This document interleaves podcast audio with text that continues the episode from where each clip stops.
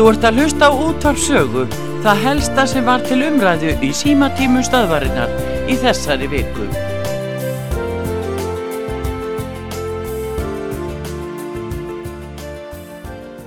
Gjör það svo vel. Já, góðan daginn Pétur, Örn heiti ég. Sælur. Ég heyri það að, að þessi gengdalusi áróður, hann virkar alveg gagvart rúsum. Já. Það eru nefnilega tvær hliðar á þessum peningi, sko. Já, já, það eru alltaf tvær Og hliðar. það er bara sagð önnur hliðin hérna. Hvað vil þú segja um þetta, Örn? Ég ætla ekki að taka afstöð, ég er ekki að verja innrás síður en svo, Nei, síður en svo. nei. En það mætti halda þetta að vera fyrsta og eina stríði sem hefur verið háð. Já, já. og hérna og bandaríkjamenn eru sko góðu gæjarnir sko en það eru þeir sem að eru semst að magna þetta upp. Það eru þeir sem vissu allan tíma að þetta yrði nýðustan það er bara þannig. Já, og þeir eru búin að bera svolítið aftur og aftur í Úkraníu að komin í NATO, komin í NATO. Vitandi það að Putin eða Rússland samþykir það aldrei. Þeir eru búin að vera að bera víurnar í öll þessi smáríkja Tetseníu, Georgíu og hvetja þess að koma inn. Já. það er bara má ekki ræða þetta. Jú, og þetta, akkur í, þetta, akkur í veröldinni akkur í veröldinni? Sko, er svo heilalust fólk hérna. Sko, akkur í veröldinni báðu bandaríkjamenn pólverja um að fara með flugvélar yfir í Georgíu?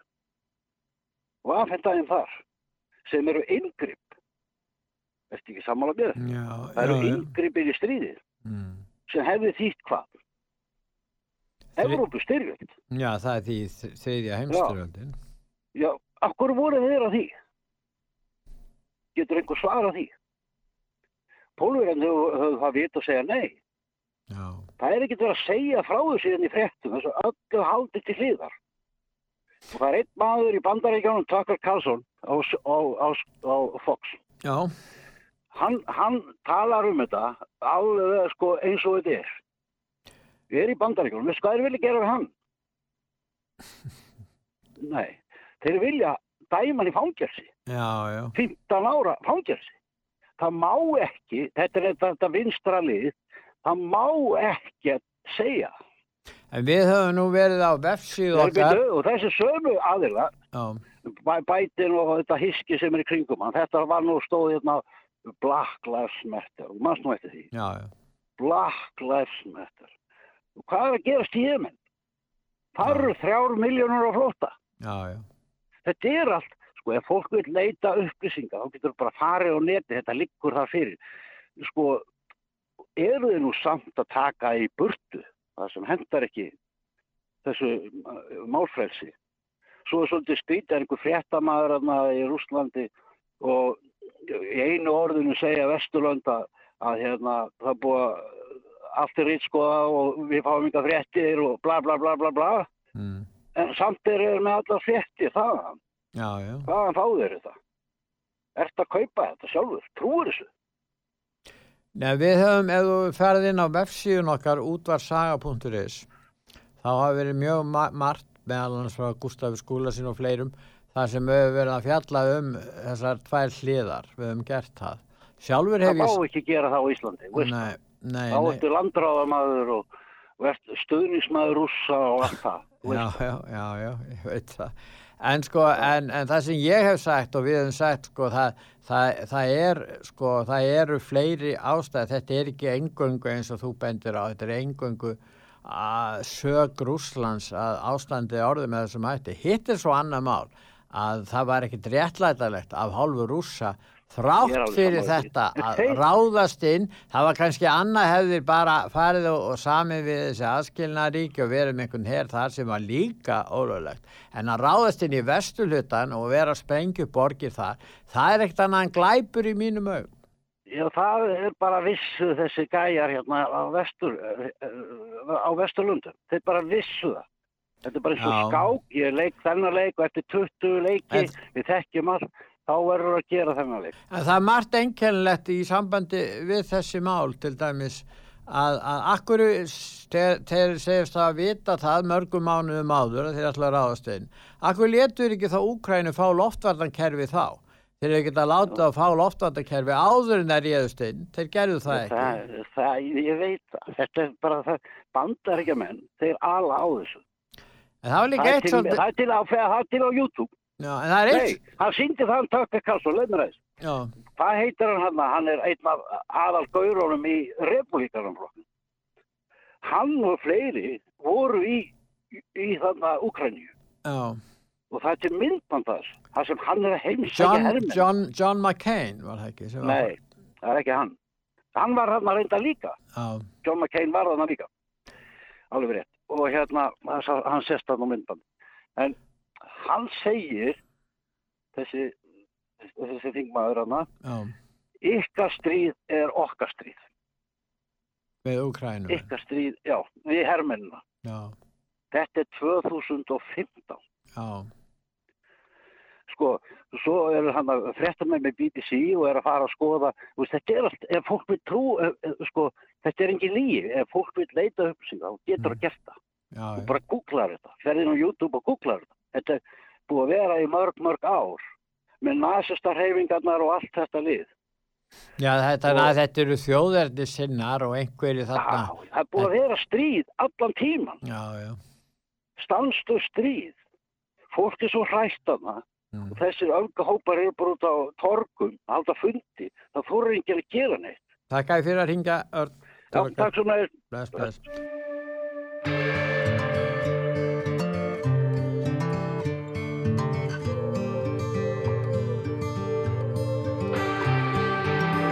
Öldur óti hljóður sá. Þrautin þungum vafinn sorgar sárum Þrá sem laðar, brennur sem bá Liggur í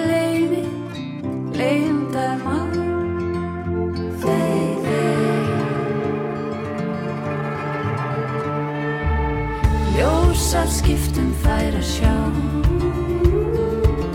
Fegur því frelsir sem þokast nær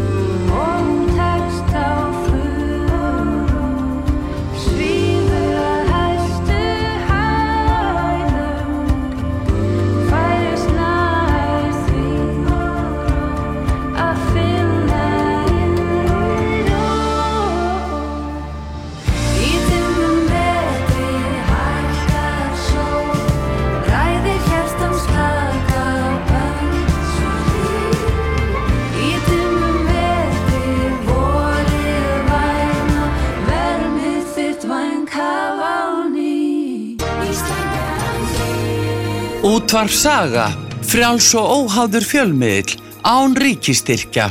Takk fyrir að hlusta. Útvarf Saga, útvarfsaga.is Opnum fyrir síma, gjör það svo vel. Já, góðan daginn. Góðan dag. Ég heiti Gunnar, ég veit að því að hringin, mér finnst alltaf lítið vera rætt um þessa vopnaflutning sem að Katrín Jakobsdóttur uh, á hún ekki heiðurinn að því að hafa tekið þátt í að Hún er, æst, hún er æðstráðand á Íslandi, er það ekki? það á viss að heita svo, því miður sko. En segðu okkur frá því, hver, hvert er þitt viðhorf í þessu? Það svo vel. Við, við vorum það að það sem hún er nú yfirlýstur anstæðingur stríðs. Það var ekki slagvorði alltaf hjá þeim eh, Ísland og eh, Na- NATO og Herimbur. Já, já, það er rétt. Ég held hún hefði nú átt að gera eh, eitthvað annað en svona ógæfi því að hún hefði frekar átt að senda hjálparkastan til Úkraníu Já, en ekki stuðla því að vera borga fyrir herrgagn til stríðandi aðila. við erum komin á svartan lista hjá rússánum í fyrsta sinn held ég. Já, já, ef, ef að stríði fer eitthvað út í augar þá erum við skotmarkið, hún er búin að sjá til þess. En hvað gerist hjá þessu vinstri grænum? Þetta er náttúrulega allt öðru í sér flokkur, þetta er flokkur sem að, uh, já, þeir voru að tala um að þeir var einhvers konar vinstri sinnar jafnaðamannaflokkur, en þeir eru alls ekki jafnaðamannaflokkur. Þeir eru jú umhverfisflokkur, feministaflokkur og svona flokkur yfir fólk sem er svona í efri köntum samfélagsins og er tiltöla, hefur það tiltöla gott. Þetta eru hópandi sem Já. stiðja vinstri græna. Sýnist mér, hvað finnst þér? Ég, ég veit ekki hver hægt að staðsett þetta, sko. Þetta er ekki, Nei. þetta er fólk, sko. Nei. Ráða sér þetta þetta í huga, að fara að stuðla að, borga fyrir vott á, á þessi svæði, að stuðla að þeir þeir eru þáttakandur í stríðinu og beint. Já, já, við, við, erum, við erum, við erum, við erum, sko, uh, já, við erum svona tengdir þessu, við erum kannski ekki beint stríðs aðilar en við erum Já. tengdir þessu. Við, við stöðlum að því að leggja vopni í hendur Já. stríðandi aðila. Og það er, við erum það er kannski, mjög alvarlegt mál. við spurning hvort við séum, við erum réttmætt skotmark í raun og veru. Já, já, nú er, nú er það, sko, það, eru búin að lýsa því við rúsarnir að, að við erum komin á það svarta lista, ef eitthvað bregður út þá erum við skotmark, hún er bara sjá til þess. En er hún ein ráðum að gera svona sætrin? Nei, Það er öll ríkistjórnin og öll auðaríkismálanemndin og allt þingi sem steður hann í þessu sínsmjörn. Ég hef ekki heyrt Nú. einar andófsrættir, hefur þú heyrt það? Nei, Ekki ég nema- að kalla þess að Katrínu Jærfarsdóttur, hún væri landræðamaður. Já, það hefur verið hérna útvarpi sögu ymsi sem hafa gaggrínt þetta og, og, og bæði nettsíðinu. Ég hef nú ekki séð í, í fjölmiðlum yfirleitt. Hvað þá hjá stjórnmálastjættinni? Neina aðtóðasemtir við þetta sem þú ert að tala um? Er, er hún búin að láta senda fleiri vopnasendingar hann? Já, hann Haugur var að tala um að væru fimm sinnum komið þarna. Ég veit það ekki, hann var Nú, að það tala. er ekkert annað, sko. Já, það var sko þannig það voru verið að sprengja við landamæri Pólans og það var Já. sagt að þetta hefði verið, rússarnir hefði verið að sprengja flóttamenn en þetta var verið að beina gegn hérna sjálfbóðaliðum eða málaliðum sem er að koma frá Vesturlöndum og flutningum á hergögnum til Ukrænu. Ég veit ekki hvort það hafi verið þarna einhver, eitthvað, eitthvað okkar vegum sko. En við erum að flytja þarna og ég sá annað. Ég sá mynd af, af hérna, stöðningi við sko, bandaríkjamenn og fleiri þjóðir á Vesturlöndum hafa sendt hersveiti til Eistrasalslandana. Og þar er mynd af íslenska fánu vinni því við höfum sendt til dæmis hvort allir Íslands þannig eru þrýr íslenskir aðgjafar Já, þetta er, þetta er skamma, sko. Já, við, þeir eru náttúrulega í NATO þannig að það má kannski okkur að, skotmarki hér. Já, en þeir eru náttúrulega í NATO. Það er alvarlegra, sko, það er minna mál ef, ef Íslitingar eru þá innan NATO með sín, sína, sína hérna flutninga og ráðgjafa. En ef þeir eru komni til Úkrænu sem er jú uh, átak, ríki í svona átökum þá held ég að þá verður að tólka það talsveit öðruvísi og, og það er spurningum okkar réttastöðu núna gagvart Rúslandi sko það er náttúrulega gilda reglur um stríð og menn eigi erfitt með að trúa því þá gilda nú ákveðna reglur og eiga gilda þó að sé nú ekki alltaf farið eftir þeim Já, já. Ég finnst að hún hefur búin að gera, gera þessari þjóð. Þessi að það er alvarlegt að hún ætti nú hreinlega að segja af sér. Sko. Já, mér finnst það nú ólíklegt að hún hugleiði það. Nei, Það vist enginn hægt á tí. Ég þakka þið fyrir að ringja. Já.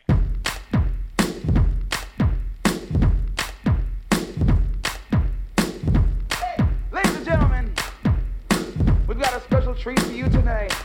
I'm gonna call my friend Ali up here to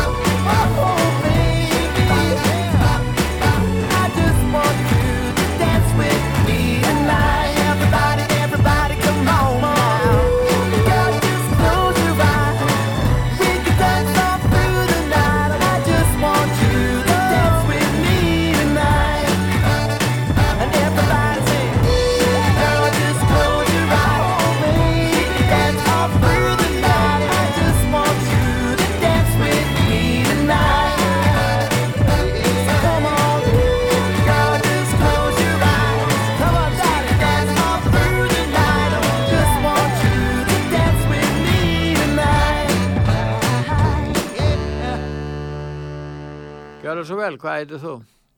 Viða Guðjónsson heiti ég. Já, sælver. Ég er alltaf að spekulera í þessum samfélagsmiðlum sem við erum með hérna á Vesturlöndum og, og við fyrir að dreifa sér um allan heim. Facebook og, og Messenger og allt þetta. Og heilaþótt. Og svo var ég að skoða sem var nú þarna inn á útarpsögu, það var mynd um Úkrænju, Ukrainia under fire. Já, Oliver Stone var þar Já, já, komið já, þeirri mynd. Oliver Stone. Var, já, hún menn geta farið ennþá inn á þessa síðan. Þetta var mjög góð mynd, mörgur leiti. Hún var svona söguleg. Já, upplýsandi, söguleg. já, upplýsandi. Já, Og þá fer ég nú heldur betur að hugsa sko hvað við erum illa upplýstir hér á Vesturlöndum. Mm. Og fingraförin eru þannig að þessi stríð eru búin til. Og getum við haft sikur á skoðunum á hvort þessi að þetta réttlæta einhverja innrás eða ekki. já, En við erum allavega ekki að fá réttar upplýsingar hér á Vesturlöndum. Og það er greinilega sko, þessi mynd hjá Oliver Stone sýnir aðdraðandan hvernig hinn eru þessi eins og Mikael Svakasilli þarna fyrst sendur til Georgi og átt að vera þar og svo er hann orðin yfir þarna hér að henni í Odessa og böndin beinast á bætin og, og hvernig átt að heldtaka þetta land. mm. Alveg eins og maður brunaði. Sanga þessari mynd, nú ég- var ég að sjá hana fyrst í gæðir. Já, ég var að sko, við, ég skoði henni Já. gæði líka, þetta var svona gott sögulegt yfirlit yfir, eða svona, yfir svona ákveðin tíma og ágætt að upplýsa fólk um ýmis sögulega, um sögulega staðreindir og svo geta menn tengt það saman. já, og það að halda því fram að Pútín hafi rámt fyrir sig þegar hann segir að það séu einhverju nazistar og, og svona, hvað að kalla nýjonazist, sko, sveitir séu, eh, veist, að það sé bara líið, það, veist, þeir eru greinilega vel þöl skipulaðir þannig 2014 þegar umsátrið í kývar og, og það er greinilega fjármagnað. Það er greinilegt að Vesturlönd hafa verið að puttast þarna í stjórnvaldinu og búa til í rauninni þessa þennan mikla ágreining. Já, það er alltaf ekki, við erum ekki saklaus. Nei, nei, það, en, en sko það er þjóðverðin sinnar í Ukrænu voru nokkuð öflugir, það var einhver hetjaður sem Stefan Mandera sem var svona tekin í tölu deilinga þarna hjá þjóðverðin sinnunum. Ég veit ekki hvað áhrif hans, hans afleið hefur þarna á svæðinu en, en það er náttúrulega margir þjóðverðin sinnar og það er náttúrulega sögulega skýringa fyrir því líka. Það voru Ukrænumenn vildu uh, tryggja sjálfstæði sitt og verða fullvalda ríki og þeir höfðu nú bara svolítið fyrir því og, og það var miklu fleiri þjóðið sinna í vesturhlutanum heldur en í austurhlutanum. Það er svona kaus austurhlutin gætan öðruvísi aðra frambjóðandur heldur en vesturhlutin. Þannig að það er svona ýmislegt búið að ganga á því og þetta er raki í myndinni bara nokkuð vel, það er bara ágætt. Já, já, en, en þá kemur að sko þessu vestræna heilaþótti og hvernig er þetta að snúa sannleikanum algjörlega á kvolf og þessi fingraför eru þarna í Sýrlandi, hvernig við höfum hagað okkur Vesturlönd. Þetta er í, í, í Líbíu, þetta eru allstaðar sko eru NATO nota sem árósar aðili. Og það að færa sko NATO yfir í Úkrænu, þetta er sko gríðarlega öðrun gagvart Pútín. Eða ekki Pútín, brúsnesku þjóðinni. Og mér finnst bara við hérna, sko það ætlar enginn að spurja þessara spurninga og svo þegar, eins og við vorum að tala um daginn, þegar Lavrov ætlaði að tala við að hann að mannréttinda stopnun Evrópu eða eitthvað, ég man nú ekki hvað þetta, þá ryksu allir út, það á ekkert að hlusta á hinn aðilan. Og það finnst mér við vera, orðnið fullir þáttakandur í því að vera blekja, blekja sko fólk til stríðs.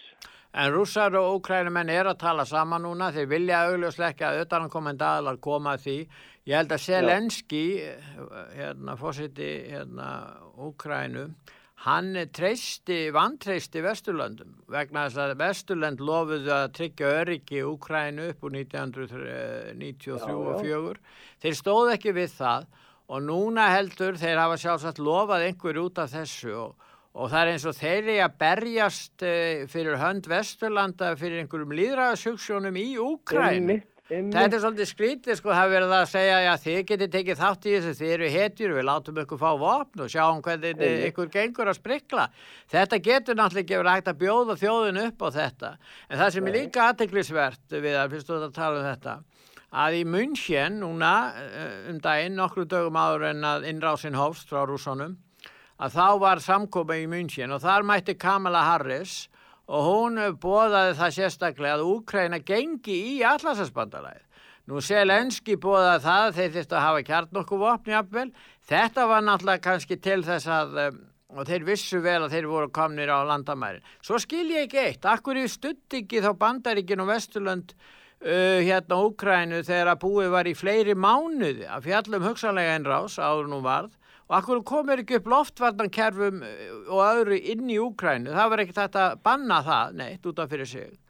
Í, ha, í staðan fyrir að, að, að hérna, bara greina frá því að styrjöld væri framundan og svo eftir að innrásin hófst sem að var svíverðileg árás rússana, hún er ólögleg og, og hún á eftir að fara mjög illa og er að fara illa með Rússland, með Úkrænu líka að, að hérna, það hefði kannski verið vinni líkur á því að þeir hefðu farið þarna inn að þessi, þessi, þessi þessi umræða hann í munnkinn ekki verið með þessum hætti þó að það sé nú, við vitum, við vitum alltaf aldrei neitt um það. En þetta er eins og þú segir, það er ekki, þó að einrásin sé það, Málið, maður þarf alltaf að skilja anstæðingin. Það Já, er greinilega að við erum blekt á Vesturlöndum með fréttaflutningi. Samfélagsmiðlar og fjölmiðlar eru orðnir svo vilhallir undir einhliða fréttaflutning. Þeir eru bara heila þegnir í stórum stíl. Maður sér þessar stóru fréttastöðu hvernig það eru samtengdar og það er rúf inni. það gæði fyrir að ringa, heyrum í fleirum, bless. Þú ert að leita þarna úti og yfir þér er nóttin blá og hjartað geymir heita þrá hugans eftir sjá og það sem þú vilt fá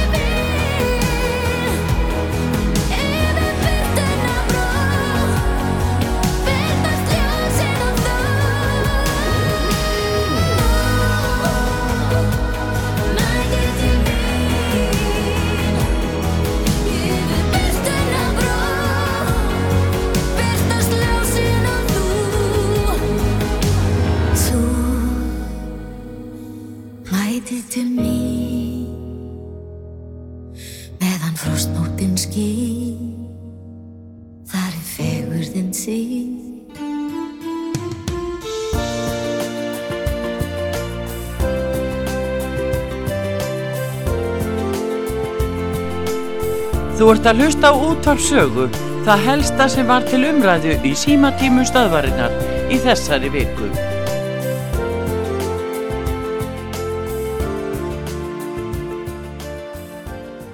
Ég heiti Pétur Gunnlaugsson og útvarstjórin Artur Karlsdóttir, hún er hérna. Já, góðan daginn. Góðan dag. Heyrðu, ég er enn í söngvakefninni. Nú er það? Já, er það? Ég er enn í Já, söngvakefninni. þú veist allt um hana. Nei, ég veit ekki allt en eh, en ímislegt og ég verð bara eiginlega að- dásama þetta því að hérna eh, mér fannst einhvern veginn þetta í fyrsta skipti sem að við erum með lög í úrslitum, fimm lög og þau hefðu öll geta orðið verðu í fulltrúar okkar á, í- á, í keppninni á Ítalíu. Það er alveg saman hvaða lag hefði unnið þau öll geta verið mjög flott. Þetta var mjög tvísýnt, þetta var svakalega þetta flott uh, hjá þessum flytjendum og fín lög. Já. Ég er nú bara þar, ennþá. Þannig að uh, svo vil ég bara óska þeim sýstur minnilega til hamingju með þetta vinningslag og uh, öllum bara þessum keppendum fyrir hvað þeir gerðu fína hluti og, og auðvitað rúf fyrir bara frábæra útsendingu og, og hvað þau stóðu sér vel í þessu. Já. Þetta er bara svona. Þannig að það, það er voðalega gaman að taka þátt í þessu og fyrir allt þetta fólk sem að þessu kemur og svona ákveðin stemning og, og Íslendingar eru svona keppnisfólk daldið og þetta var bara mjög spennandi. Hvað segir þú? Vartu ekki sammála þessu? Jú, jú, ég samlaði. Margt gott fyrir gerist um helgina. Já, Valsar eru byggamistarar. já, heyrðu, tvöfalt. Já. Við skulum nú, ég myndi óska uh, völsurum innilega til hamingju líka. Já, já, já. Þetta voru náttúrulega sár úrslit fyrir einhverja og sérstaklega framvalur. Já, En uh, við framara verðum nú að býti það súra, segi ég nú. En uh, þetta var svakalega flott hjá völsurunum að vinna bæði kalla og hvenna. já. Þetta er ægilega gaman þegar á svona stundum líka. Og bara innilegar hamingju óskir á hlýðarenda. Þið leiðist þetta ekki. Nei, Nei, það er nú. Heyrðu, en annað var það svo sem ekki, við vitum að, að náttúrulega hvernig heimsmálin öll eru og Já. við munum fjallum það í dag hér á útarpli Já, þú ætlar að tala við hann haug. Já, ég ætla að heyra frá Moskvu og Mm. hver staðan þar er. Það er vita mála að nú ætla þeir að hittast í dag aftur í eh, svona einhvers konar samlingavirðum. Það eru í Já, vonandi. og vonandi ná þeir að fallast á vopnallið það er afar mikilvægt að ná vopnallið núna og hætta þessu þessum árásum hætta þessu byssu fargani öllu saman og hætta þessu vopnaskaki það eru vopnin sem að knýja þetta allt áfram og svo veit maður náttúrulega að vopna framleiðendur eru heiminn ánæðir og fjármaseigendur sem að vilja koma hreyfingu á fjármagnið, vilja hafa stríðs ástand, selja nógu mikið af vopnum og hafa nógu mikil æsing og læti. Og sama hvað, þetta er auðvitað algjörlega ólíðandi og, og ég hef nú sagt áður og, og segi það bara áfram að, að þetta hefði ekki endilega þurft að fara svona ef við hefðum haft nógu sterka þjóðarleitóa viða um heim. Við erum bara með í stórun stíl mjög lélega þjóðarleitóa og uh, æsingamenn eins og við sáum þarna bætin í bandaríkjunum þau strax í upphafinu þegar honum uh, raunverulega ég ekkert bara stóð það til bóða þá búið ákveða fundu hans og Bútins og þá slær hann strax á það nú auðvitað þegar hann blinkar hann slær strax á það hann þarf ekki að tala við uh, Lavrov skiljuru það er öll þessi slaufumenning og, og eða menning sem er náttúrulega ekkert annað en ómenning og hnyggunum sem að- leiðir af slíkur, slíku átterni sem er verið að innleiða daldi hjá okkur í Evrópu. Við hefum bara útskúfa og þetta er, þetta er mjög mikið hnyggnunaskeið sem við við erum stödd í. Hvað þetta varðar því að lausni lítur alltaf að fela það í sér að þú verður að tala við eh, það anstæðingin það verða að eiga sér stað einhverja samræður og þannig byttur nú við þannig að þetta er nú þetta er nú bara svona sem að að, að þetta blasir við manni en uh, það er ekkert sem að réttlætir innrás uh, í, í annar ríki með þeim hætti sem gert hefur verið. Það þetta er óafsakanlegt en þarna hefur verið hægt að En grípa heldur ef það verða samninga og friðar viðræður núna og það, þetta verði vopna líf og kannski reyna að ná samkomulagi. Eh, verður ekki erfitt fyrir umheiminn að sætta sig við að hafa Vladimir Putin sem fossita Rúslands á Jú, eflaust, eflaust, þetta er náttúrulega, uh, það er mikil trúnaðabrestur sem eru átt sér stað núna og gríðarlega uh, alvarleg staða sem eru komin upp hvað þetta varðar og það verður ekki endilega, já, allt sem er búið er að, að uh, banna og stoppa, það verður ekki dreigið tilbaka svona einni nóttu. Það eru afleðingarna sem eru alvarlegar af því að menn eru í tortrygni og, og reyði og, og sumir í réttlátri reyði og allavega að að menn eru ekki tilbúinir að- að að taka þá neins staðar inn. Já, já, við sko, ef það næst samkomulega á milli Rúslands og Úkrænu og, og hérna, þá er spurningin hvað ætlar alþjóða samfélagi að gera gagvart rússunum? Halda er áfram þá þessum viðskiptatvingunum þrátt fyrir það að verði gerði fríðarsamninga? Já, sko, þetta svo kallaða alþjóða samfélag er ekkit annað en... eh, Nei, ég meina bursið frá því. Já, veist er ekkit annað en bara þeir leiðtóa sem eru núna í löndunum í kringum okkur og, uh, og í bandaríkjunum. Þetta eru bara þessi leiðtóa, það er alþjóða samfélagi ásamt þessum peningaöflum sem öllu vilja ráða. Það er verið að reyna að koma á einni heimstjórn það er það sem fylgir ekki með í fréttunum að þetta eru peningaöflin sem er að reyna að ná heimsifir á samt nokkrum þjóðarleitu En ég vil benda hlustendum á það í dag á vefsið okkar út af saga.is þá kemur ítalið grein um uh, hérna uh, the reset eins og við kallum það. Great Reset, já, Já, enduræsingin mikla já, mikla. Það kemur ítaleg grein um, um, um, um þetta mál á Já. vefsíðun okkar út af saga.is setni partin í dag.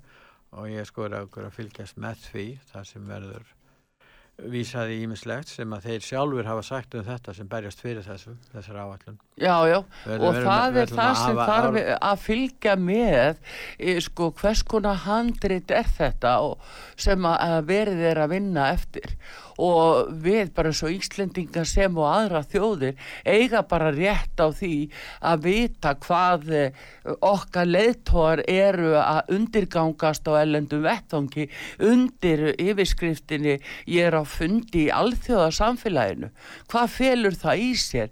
Hvaða skipulag er verið að hrinda í framkvæmd Uh, við erum ekkert móttækileg kannski endilega fyrir öllu og þeir sem andmæla eru byllinis útskúfaðir. Og það er þessi útskúfunastefna sem að felur í sig þessa alvarlegu hnignun sem er að eiga sér stað og við þurfum öll að vakna upp við. Við verðum bara að vakna upp við það að sjá hvað er verið að gera við e, í heiminn og sérstaklega Evrópu, það er það sem að snýrað okkur og, og svo a- a- allur þessi vigvöllur sem virðist vera óumflýjanlegur, hann er sko flýjanlegur og menn geta stoppað ef þau geta brotið ott og oflæti sínu og, og stoppa þetta eins og skot og alla þessa vopnaflutninga og þessa brjálsemi sem því fylgir. Þetta bara gengur ekki upp á, upp á svona. Sangandi niðurstöðu uh, könnunar um aðild Íslands að, að Európusambandinu þá eru það fleiri íslendingar sem vilja gangi í Európusambandið heldur en þeir sem að vilja ekki fara í Já, hver er gerði þá könnun? Gallup? Hver borgaði hana? Hver borgaði könnuna? ég veit það ekki. Nei, það er fyrsta spurning. Þú getur ekki, sko, þú verður að vita fyrir hvern var könnunin gerð, hver greiti fyrir hana og hvernig voru Mm. en, en, spurningarna. en þetta er náttúrulega sko það eru ákveðin breytt viðþorf út af þessu ástandi sem er í Úkrænu Það er frettaflutningurinn sem búið að ruggla fólk. Já, Það er það sem er. Já. Að fólk næri ekki lengur og þó er ég ekki að hafa sjálfstæða skoðun. Það segir já þegar að meina nei og segir nei þegar að meina já. Og þetta er hættulegt ástand fyrir yfir svona uh, fámuna þjóðu svo okkur. Þegar það vil bara berast með strömmnum fólki að því að það þóra ekki að setja sig upp á móti að því að þá er það bara grýtt. Þetta er... Já, það er náttúrulega veist að vel að hræðslu áráðurinn, hann er svo áhrifaríkur í dag. Það er að maður segja áráður í dag byggir fyrst og fremst á hræðslu áráður. Já, já, heldur betur. Erðu, ég mæli nú með því, Pétur, að við látum hlustendur eftir, hlustendum eftir að, að botna þetta, en, en hérna, ég mæli með því við fáum þessa indislegu sýstu sem unnu í söngakefninni, Eithóstætur og Ellenadætur, og ég minni nú einmitt á það líka að foreldrarnir eru nú aldeilis flott tólistafólk Eithor Gunnarsson sem var í Messoforti og síðan Ellen eh, Kristjánsdóttir söngkona sem hefur nú heldur betur uh, gert flotta hluti. Og þetta eru börnin þeirra mist þetta bara eðislegt og við skulum heyra þetta flotta lag. Öldur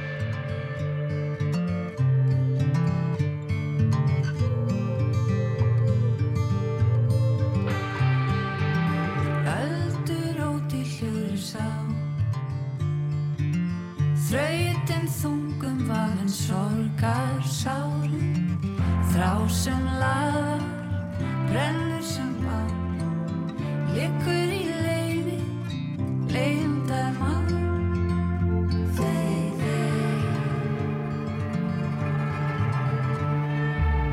ljósar skiptum þær að sjá, fegur því frelsir sem þokast nær.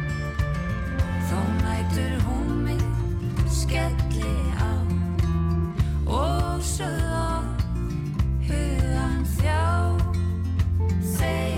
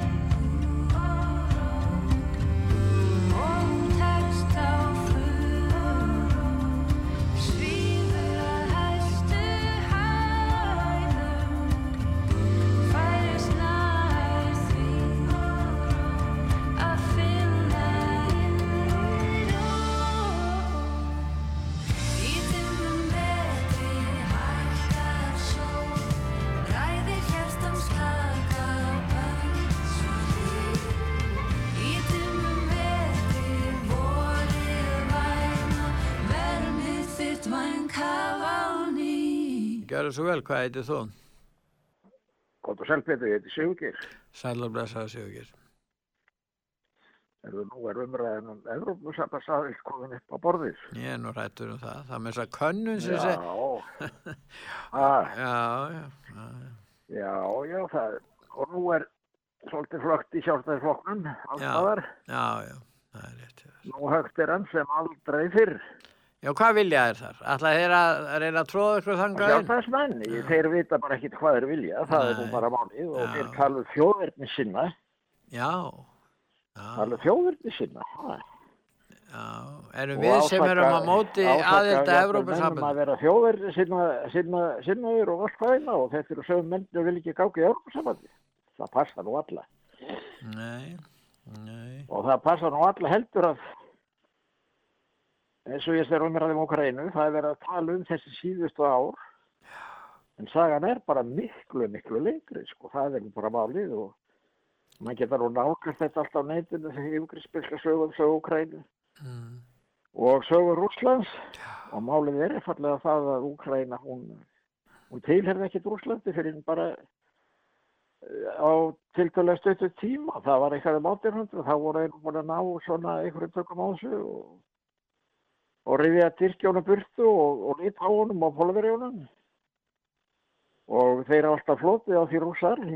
Þeir fluttu á þessu í, í þrjú, fjórhundru ár að nota sömu aðfram breytar að þeir voru sildu svona á milli. Breytarnir vildu aldrei eh, eitthvað, eitthvað stórt ríki í, í Európu á meginlandinu og, og sama var með rússana og þeir saminuðist um þetta breytar rússar að það var svona þegjandi samkólag og, og þegar Napoli var að að rótast eitthvað um að þá, þá stóðu þeir sameinaði breytar rússar og þeir stóðu víða sameinaður og þeir söndu með þessum Afganistan að að hvorugar aðalinn tæki það en nú er þetta fyrir bí. Nú er þetta fyrir bí þetta samkólag og rússar eru bókstallega alveg út á víða vangi bara í heiminum. Þeir, þeir stóðu líka í átöku við Kína alla kvöldur, alveg frá þeir fóru reyðast austur Asíu og eins þegar fóru að þreifa sér fyrir sér í, í meðasíu Kirkistan, Turkmenistan og þessu löndum var ekki sitt Mongóliu það fóru um kínverðina kínverðna keisara þegar að þeir voru konum í tökum morgólíu líka. Og þetta er, þetta er gömul saga og, og, og þetta er bara framhald bókstælega á þessum, þe- þessum yfirgangi rúsa bara alls staðar þar sem er að komið, geta komið sér fyrir og, svo að vera að tala um þjóðverdi sinn. Svo rússar að tala um nasista í, í Ukraín og þeir við hafa nákvæmlega sömu aðferðir og nasistar höfðu. Þetta er þeir komast að valdi í Þískalandi. Það er að fara inn í lönd á þeim grundvelli að, að þetta væri þjóðverja fyrir og það var Tekoslovakia, það var líka Rúsland eða Sovjetriki, það voru volkuð þjóðverjar, þrjár miljónir, það var líka það að þyrst að taka þetta svæði og þannig að þetta, þetta, er, ekki, þetta er alveg fyrmulega umræða bókstallega þegar, þegar ég, ég hef ekki trúið þessu upp á sjálfstæðisfólk að það færi að, að tala um þjóðverðin sinna í og, og, og það er ekkert að gera þetta en að það þetta fólk vil fá að ráða sér sjálf alveg svo Íslandíkar við er, er ekki að drása okkur þá og þjóðurstefnu og við viljum ekki, að koma í Európsabandi, við viljum Já. ekki Hvað finnst þér um Og- það? Núna er Logi fann að tala um það og, og náttúrulega Þorgerður, þeir eru sko Logi er með hvað sex þingmenn samfylkingin og, viðreist með fimm, þeir eru 11 þingmenn af 63 og nú vilja þessi þingmenn eða flokkar tveir gangi í Európusambandi núna við þessar aðstæður, þetta neyðar ástands ríki. Hvað finnst þér um þetta? þetta er bara lífskrum að, að vestu gerðu, ég var á þetta í morgun og ég var að hlusta, verið að hlusta á þetta verða daga Já, og uh, rökin eru þau að Evrópa er að verja okkur en málið er ekki svona, sko, Breitland er ekki í Evrópusambandi nei, og Breitland er sá aðili sem hefur varið okkur. Þannig það er orsko vefald mála þegar í Napoli styrjöldunum þá settar hann band á Frakland og var við búin ef að, ef að eitthvað nú í, í setni styrjöldunni, setni hefstyrjöldunni við, við erum, sko Breitland er aldrei nokkuð tíma líða það að gangi hér á land hérna, aldrei. Því það þýðir bara hérna á sér Breitland, það er ekkert flókið. Og Breitland er ekki í Evrópusambandinu og þessar þjóður hérna í norðurlandska saminu, það er Ísland, eh, Norregur og nú Breitland og, og náttúrulega Bandaríkin og Kanada. já. Og það er þessar þjóður sem mun að verja okkur það gerðum það í setni heimstyrlutin. Þannig að þetta er bara bull. Það er eina þjóður sem hefur eitthvað afl til þess að verja. En það er aðtiklisvert í þessar umræðu að þeir eru nú verið að breyta Evrópusambandinu og þeir eru alltaf neita því að þeir eru hernaðabandalag en þeir eru að breyta þessu bandalag í hernaðabandalag eins og reitt er gert vísir að í, í Lissabonsáttmálunum sem þýðir það ef við göngum í Evrópusambandið og það verður óskleira að Evrópusambandið verði ekki bara efnahags- og stjórnmálaleg eining heldur líka hernaðaleg að þá náttúrulega verðum Íslendaríkar að leggja okkar að mörgum til þessa hernaðabandalags. Hvað segir um það?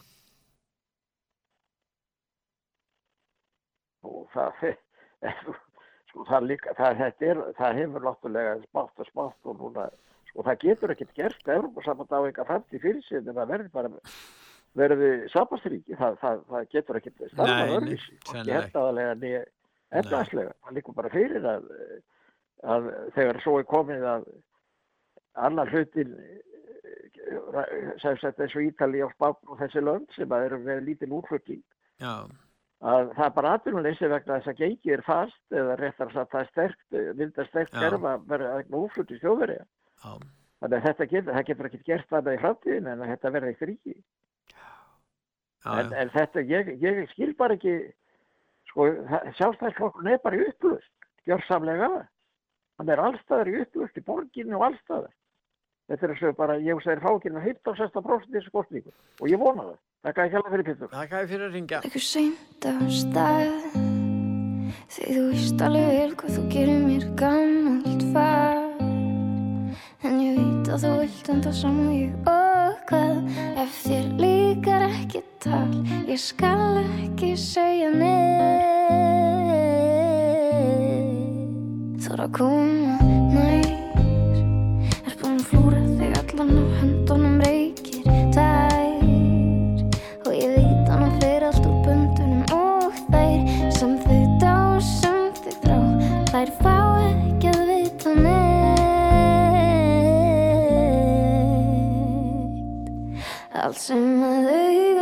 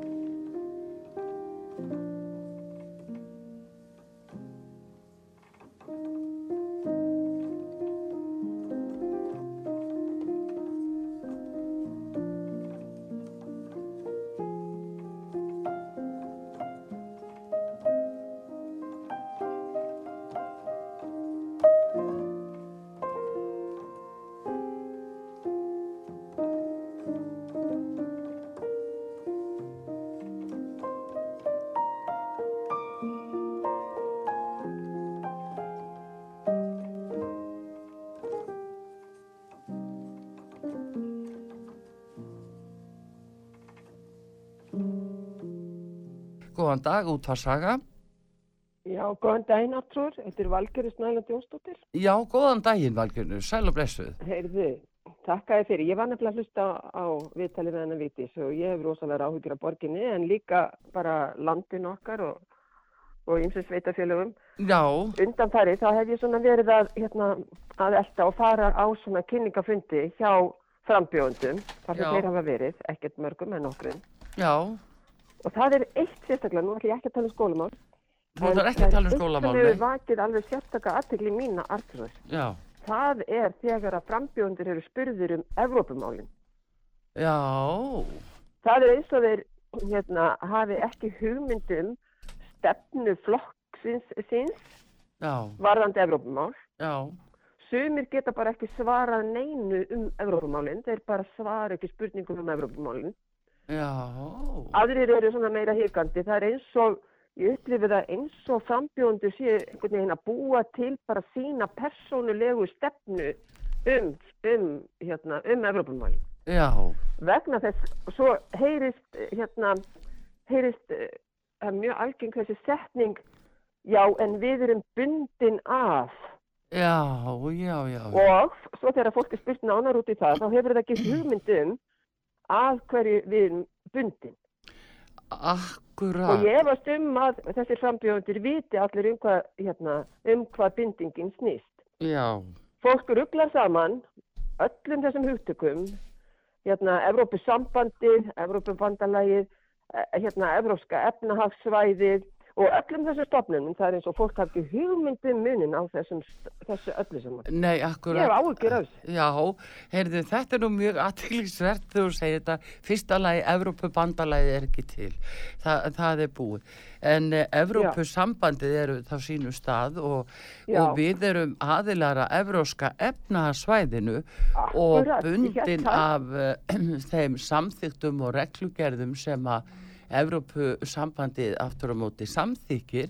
Við höfum Já. fallist á það að taka það inn í okkar íslenska landsrétt að, að, að í einstaka málum að, að hérna, innleiða það og við erum bundin af því. En við erum ekki bundin af Evrópusambandinu ef fólk heldur það. En Nei, það er nefnilega það sem að mér finnst koma skýrt fram að fólk bara virðist og þetta eru frambjóðundur já, sem er að fara að taka að sér hérna líki hlutverk í, á einsum stigum þjóðfélagsins. já, já Ég það er er einmitt fyrir mig, getið þið sett einhverja svona upplýsingar inn á vefsíðu út af sögu, bara þar sem að þetta, þessi hluti, öll þessi hugtök og- sem eru notið svona dagstælega, eru bara skilgrind og ef við erum bundin af einhvernum 17 samningum, eins og ég hef heilt aðeins, ne? Já jú, jú, Hérna, hvaða samningar eru það sem Já, við já, erum bundin af? akkurat, jú, jú. Það er náttúrulega vola auðvelt að segja við fólki að við erum bundina af alþjóðasamningum Já. og það sem gleymist kannski að segja þegar verið er að Já. tala um alþjóðasamninga þá er yfir 90% þeirra bara EES-samningar. Við erum nú ekki meira bundin en svo. Nei. Þannig að, að en fólk hræðist þetta kannski alþjóðasamfélagið og, og hvað er alþjóðasamfélagið? Já, þeim, Hvar það er, heimilis, er heimilisfangi hjá allþjóða samfélaginu? Já, einmitt. Hvað er heimilisfangi? Já, hvað er heimilisfangi? Það er góð pæling. Já, já, sko, en, En þetta var nú bara það sem að mér langar Já, hérna að en, koma að. en ymmið talandi um þetta valgerur í sambandi við uh, Evrópusambandið og allt það við sjáum það núna að það, núna er komið hræðslu áraður og, og við, við sjáum, já nú verður bara allir að fara, nú verðum við að fara í Evrópusambandi Já. leggja sem sagt á flótta frá okkur sjálfum. Já. vegna þess að við erum með okkar fullveldi og höfðum mikið fyrir því að verða sjálfstæð þjóð og fá okkar fullveldi.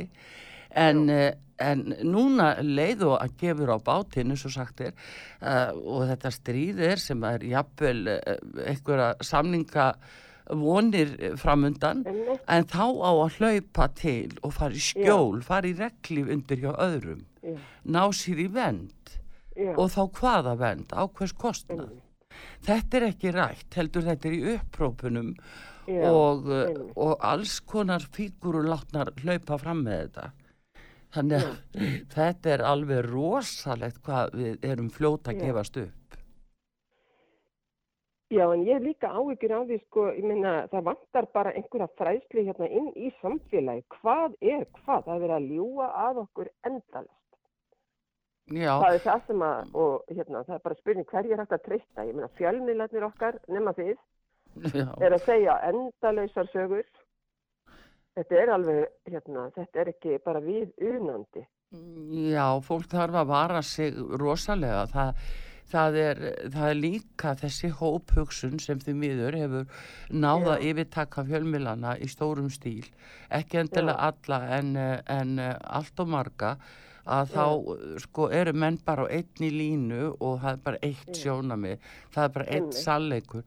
Og við, ég saði nú einmitt hérna í gær það nú svo makalöst að við erum að tala um þöggun og, og kúun í Já. öðrum löndum eins og Já. í Rúslandi þar megi fólk bara hafa eina skoðun. Já. við verum að passa okkur á því að við séum ekki að koma okkur þessu upp sjálf. Já, bara það ein það sem skoðun á Íslandi skiluru og það rosaleg er það sem já, mér sýnist þetta bara Og margt stefni í það. alveg En mér finnst bara, ég vil gera kröfu til þeirra sem að er að bjóða sig fram að þeir kynni fyrir okkur og segja okkur afdráttarlaust fyrir stefna flokksins þeirra í þessum málum já, og hérna, að hverju þau ætla að vinna, þeir hérna, sem, er að, sem er að bjóða sig fram. já, Bara afdráttarlaust svör varðandi þessi mál. já þetta er mjög góð ábyrting hjá þér valgerður og hérna bara hafðu þakkir fyrir því að, að þetta eru auðvitað hlutir sem skipta miklu máli og hérna eh, við verðum að vita líka að hverju er gengið þó að kannski fólk vi- forðist að svara fyrir kostningar og reyna að sleppa frá svona, já, starri spurningu skulum við segja. En uh, þá auðvitað er þetta bara svona grundallar atriði upp á alla framtíð uh, hvert við er verið að teima okkur það er Já. nú það sem er einmitt. Það er það sem er svo mikilvægt að við allavega einhver hluti af okkur sem að höfum áhuga á að vita það, já, fáum, hérna, fáum að vita. já það er nú það sem er máli Er þetta ekki bara nóg í byrju? Jú, heyrðu, þetta var nú bara resileg andakt upp á morgunin bara takk Já, fyrir þetta bara- Valgerður Jú, Heyrðu bara góð skemmt. já, takk fyrir Já, bless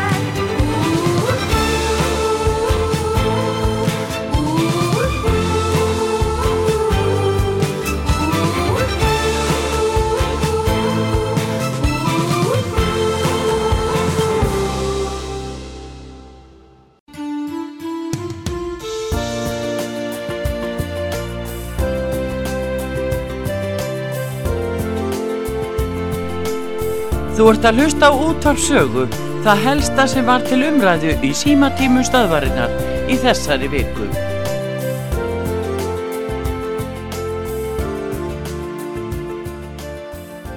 Hver kemur þar? Góðan dag. Góðan dag, Artrúður, ég heiti Leif. Sæll Leifur. Hefðu, það var, uh, þú fjallar um það í morgun að það væri vangaveltur um ingang Íslands í Evrópusambandi Já, og uh, ég fór að skoða þarna frétt. Það var, uh, fyrir síðustu helgi var uh, niðurstaða Evrópudómstóls að Evrópureglunar væru rétt herri heldur en þjóðarlög í Pólandi og Ungverjalandi og nú skal refsa þeim. já, En uh, ég var líka að vafra um síður alþingis mm, og uh, þar eru ennþá tvær þingsáleiktunatillögur Önnur er samþykkt í júli 2009. Alþingi álíktar að fela ríkistjórnina inn umsóknum aðild að ESB. Já, Hún liggur þarna ennþá inni og síðan er önnur álíktum frá 2013 eh, sem fjallar um þjóðar atkvæðagreðslu um framhald viðræna um aðild Íslands að Evrópusambandinu.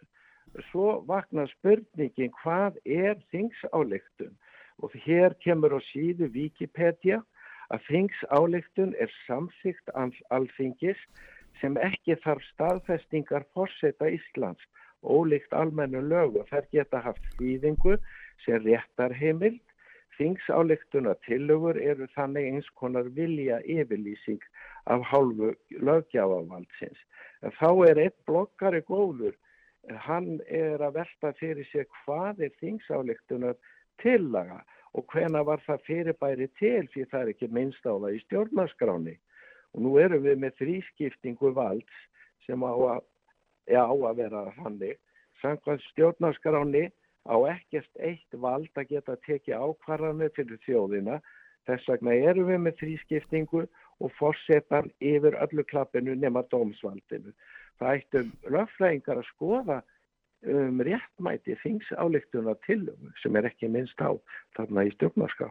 já, uh, þetta hefur nú verið bara ákveðið form sem hefur verið notað uh, meira að minna af þingmönnum og, og, og hinn almenna þingmanni sem að, að hafa vilja koma með einhverja áherslur í einhverju málum og Já. þá er það yfirleitt að þá er því vísa til viðkomandi uh, ráðuneytis eða til ríkistjórnarinnar til frekari afgreyslu og þetta er svona ákveð svona á að greiða fyrir því að menn geti komið með sín mál og komið þeim á framfæri og uh, þau síðan á, á þá ríkistjórnun að vinna úr því.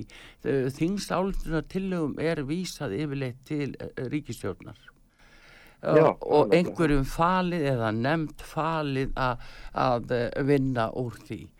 Uh, að öðru Í þessu- leiti á þetta ekkert að hafa meira gildi en það sem þú talar um þegar að- umsókn okkar um Evrópu, inn í Evrópusambandið kom upp 2009 að þá uh, var það að stóð það nú einmitt að það ætti að kanna möguleikana á því þetta var svona, það átti bara að kanna þetta en uh, þetta í framkvæmt fór langt langt út fyrir það sem stóð í þínstáltunan tillögunni og heimildin uh, sko var sögð vera Já, nefnilega það. Já, við vorum Maður bara komin í aðlögun við vorum komin í aðlögunarferli 2013 þingsáleiktuna tillögunni fylgir bisna löng sko greinagerð. Ég hef ekki lesið hana ennþá en, en um, það er fróðlegt að renna í gegnum hana. Já, hver lagði hana fram? Hún var lögð fram af Össuri Skarpíansíði, Árna Páli Árnasíni, Helga Hjörvar, Katrínu Júliusdóttur, Oddníu G. Harðardóttur, Valgerði Bjarnadóttur og Sigriði Ingibjörg Ingadóttur og Guðbjarti Hannesinni og Kristjáni Möller. Já, já. Þetta var, uh, Össur var náttúrulega utryggisáð þeirra og var búin að tala auðvitað fyrir þessu máli allan tíman. Hann var utryggisáð þeirra alveg uh, allan þennan tíma í þessari ríkistjórn og var nú kannski sá maður sem að, var oftast á fundum og við munum alveg að þetta er kannski stærsta falsfrétt allra tíma sem við höfum séð þegar var verið að draga þjóðina að sjónvarpinu og svo var verið að segja okkur að það væri verið að opna pakka, mannstu það? Það var verið að opna pakka nummer nýju og opna pakka nummer tíu og svona var, svona var hlaupið með þjóðina árum saman að þetta var náttúrulega en þegar maður komið svo að stóru málunum eins og sjáarútegi og, og auðlindum og öðru slíku þá hættur að opna pakkana Já, það er nefnilega það. En það er uh, hugsunarvert sko þegar uh, miðurstaða domstóls uh, Gagvart Pólandi og Ungverjalandi telur það að ESB-reglurnar séu rétt hærri, þá geta þeir lagt niður sín þing. Já, það er náttúrulega þetta sama og við stöndum framifyrir. Við Já. erum líka búin að innleiða í okkar landsett eh, að það er forgámsregla EES réttarins eh, eh, það bara er þannig í íslensku lögum að, að hann gildir hér og það gildir líka fyrir pólvera þannig að þetta er bara, er bara svona og menn hafa bara ekki átta sig kannski á því því að þetta er svona eitt af því sem hefur verið mjög lítið í umræðinni Umræðin er þörf. Já. Takk fyrir mig. En góð ábending, takk fyrir þetta Leifur. Já, takk. Blessuð. Já, blessaður.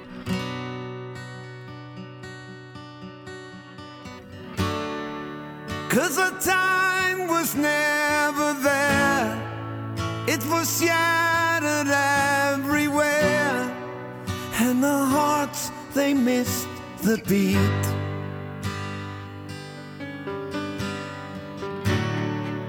We were dancing without care with the demons of despair without any time to share. And when you take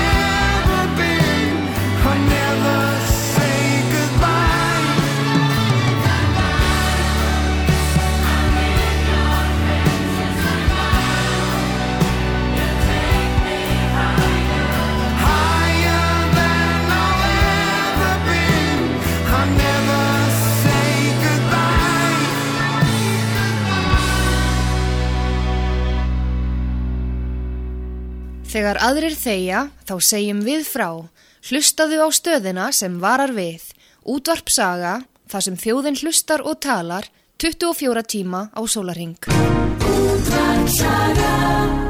Hver kemur þar? Heyrðu ekki með? Jú, ég heyri núna. Ná. Nú er búin að opna fyrir þig. Nýjasta frétti sem að ég heyrði að leggja niður síslumannsefnbætti áttar. Já, jú, einmitt það er hér uh, á uh, fórsíðu frétta blaðsins í dag einmitt. Þeir að segja frá þessu. Já, nei, ég hætti að, það er kannski ekki aðalatri heldur að sá sem er formað fyrir síslumenn, Já, að hann talaði um að þeir hafi andmálarétt. Mm, já, Andmælarétt. já. Út frá stjórnstíslulögum. Ég veit, Já, ég, já, já. ég, ég veit ekki hvort að að séu einhverju sem geta fengið andmálarétt. Já, það er náttúrulega ráðherra er alveg heimild að breyta slíku fyrirkomulagi. Uh, það myndast ekki endilega andmala réttu við það þó að- þeir geta sannarlega sett inn aðtúasemdir við frumvarpið og sendt það inn í til alþingis eins og aðri geta gert í öðrum málum. En sérstakur andmalaréttur út frá stjórnsvíslulögum, hann myndast ekki. En, en þeir geta bara, bara lagt inn aðtóðasemdi við frumvarpið og vantarlega verða kallaði fyrir þá eh, allsverja nefnd alþingis og geta komið sínum skoðunum þar að. En eh, ráð þeirra hefur fulla heimil til að breyta slíku fyrirkomulagi, já. Í mínum Já, en manni finnst það orðið dálítið svona skrítið að, sko, svona, þegar manni getur fengið bara engalíf á svona svo bílprófum og svo mælum og, og, og þetta léna í punktur ís og og rafmagnið og að að- að það er gott að vera vinnur eitthvað sem stjórna. Já, þetta bara kemur óvart. Það, væri gott fyrir ykkur að hafa þetta punktur ís að þetta enga auðlýsinga ekki. Já, þetta er bara, við erum náttúrulega með punktur is, ég meina út á saga Já, is, meina, já, já. ef þú væri með þetta fyrirtæki Já, það er ekki við hæfi, sjá. er Jú, þess. já, en það bara er ekki við hæfi, mér finnst það ekki, það samræmist ekki rekstrinum og þetta er, er ekki við hæfi, mér finnst þetta eigi að vera þá bara í slíkri vörslu að, að það get ekki einhver styrt í, eftir bara já, andrúsloftun og hverjum tíma hvernig hérna verðalagið er á þessu. Það þarf að vera eitthvað, eitthvað svona meðalhópsverð. En það heyrði ég sjálfstæðismanni segja það að ef þetta væri í, í, í háskólanum þá er það mikið dýrara því að þeim nenn að sinna þessu. Það eru er svo margir þetta að sinna þessu. Ég, ég bara, hvað, menn sem er, er að sem að láta kjósa að stjórna landinu, þeir verða að stjórna fólkjum líka sem er í vinni hjá þeir. Ég er bara, ég, ég skilði ekki. Það, já, ég vann, ég vann hjá, hjá fyrirtæki sem var rí, ríkisreikið þarna í 24 ár. já, Ég, ég vann alveg eins og ég var að vinna hjá enga fyrirtæki. já, já. Það er nú Já. það. Já, hérna, svona getur þetta verið. En uh, þakka þið fyrir.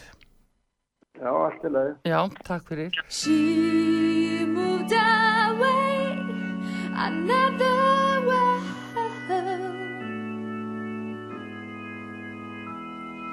She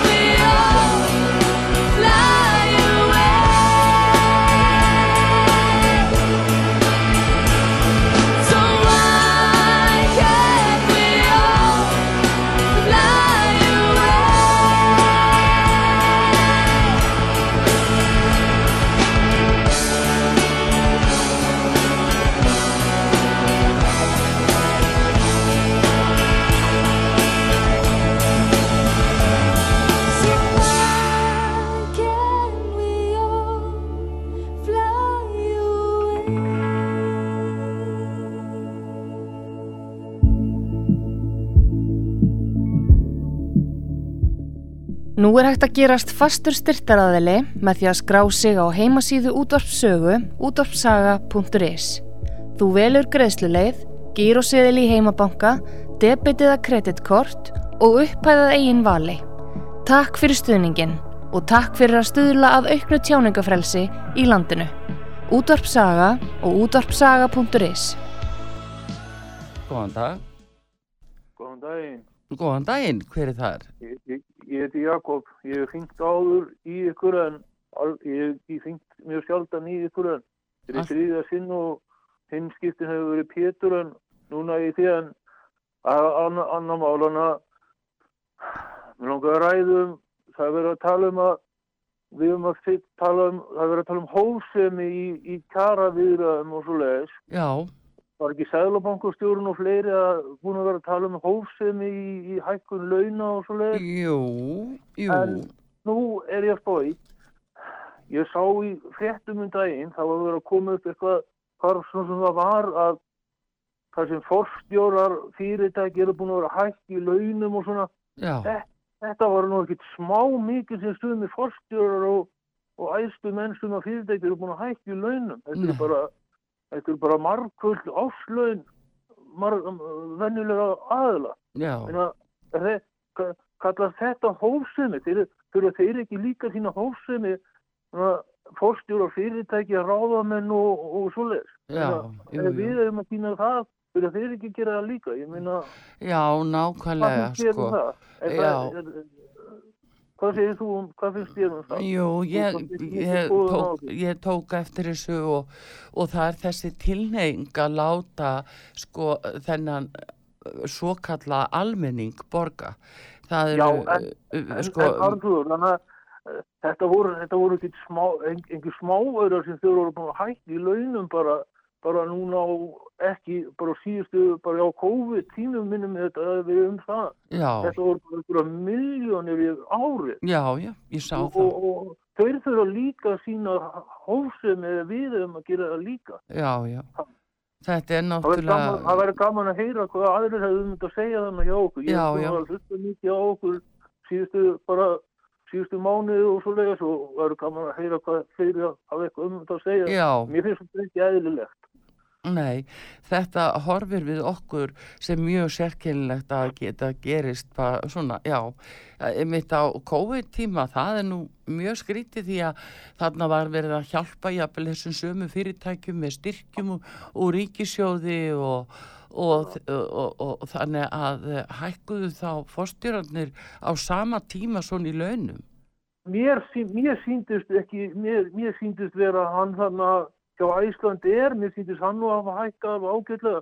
Voru þau ekki að fá einhverjar, einhverjar uh, svaka uppæði frá okkur í að hjálpa þeim? Já, ég, ég bara velti því fyrir mér hversu mikið fengu þeir í styrki uh, hlutabótaleið og, og viðspyrnustyrki og eitthvað fleira, ég, ég skal ekki segja það En en hvað, mér finnst, mér finnst þá ef það er hægt að hækka í launin hjá þessu fyrirtækjum, þá skulle þeir gjöra og borga út fullt af arði og svo leiðist, gjöra svo vel og endugreiða það sem við fengum frá ríkinu í svona hlutabúta leiðir og aðstóð í COVID. Já, Borga þetta tilbaka um leið, allt saman. En nú skildist mér að það hefði nú verið sett inn í uh, lögin uh, varðandi þessar uh, hérna, varðandi þessar styrki að, uh, að það mætti, það væri skilirði að þeir mættu ekki hafa greitt arð árinu undan.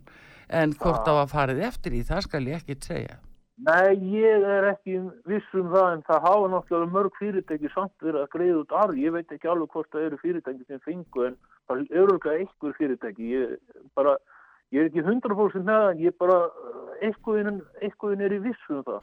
Já, það er þannig. já, ég- mér finnst þetta ekki eðlilegt að hófsemi þá skulu hini líka sína hófsemi. Það er alveg Nákvæmlega. kvista kæru. Ég ætla ekki að, erindar ekki að tala meira Nei, bara Það takk er það fyrir eina að, sem ég ætti að minnast á, væri gaman að heyra hvort aðrin hefði eitthvað um þetta að segja. já, takk fyrir þetta. Takk fyrir mig. Jakob, já, blessaður.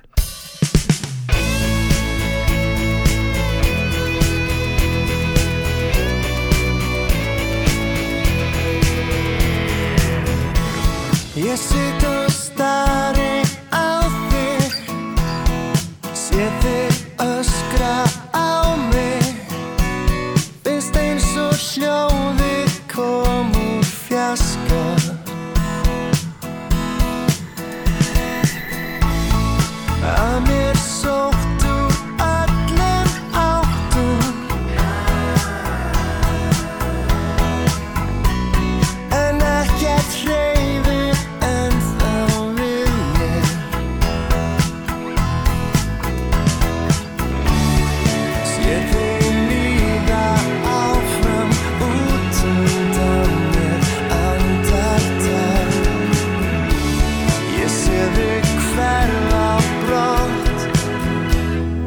sé þig kannski seinna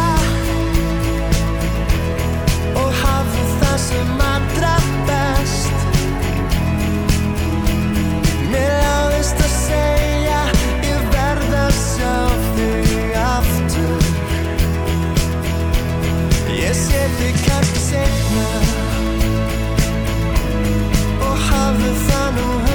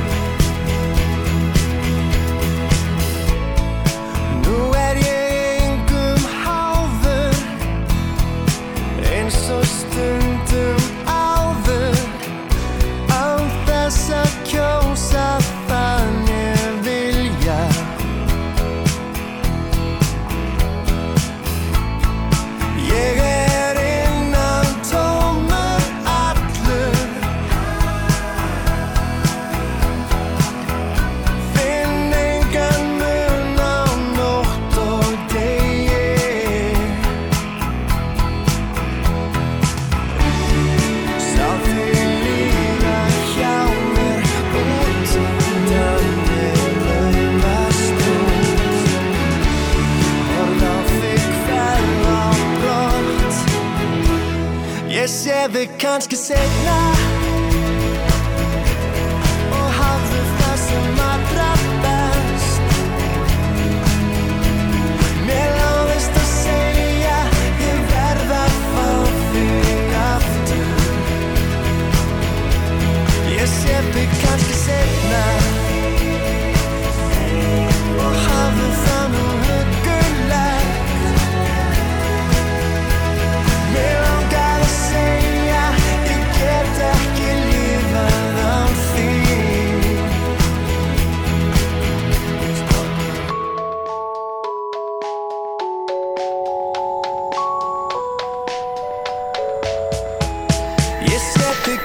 kannski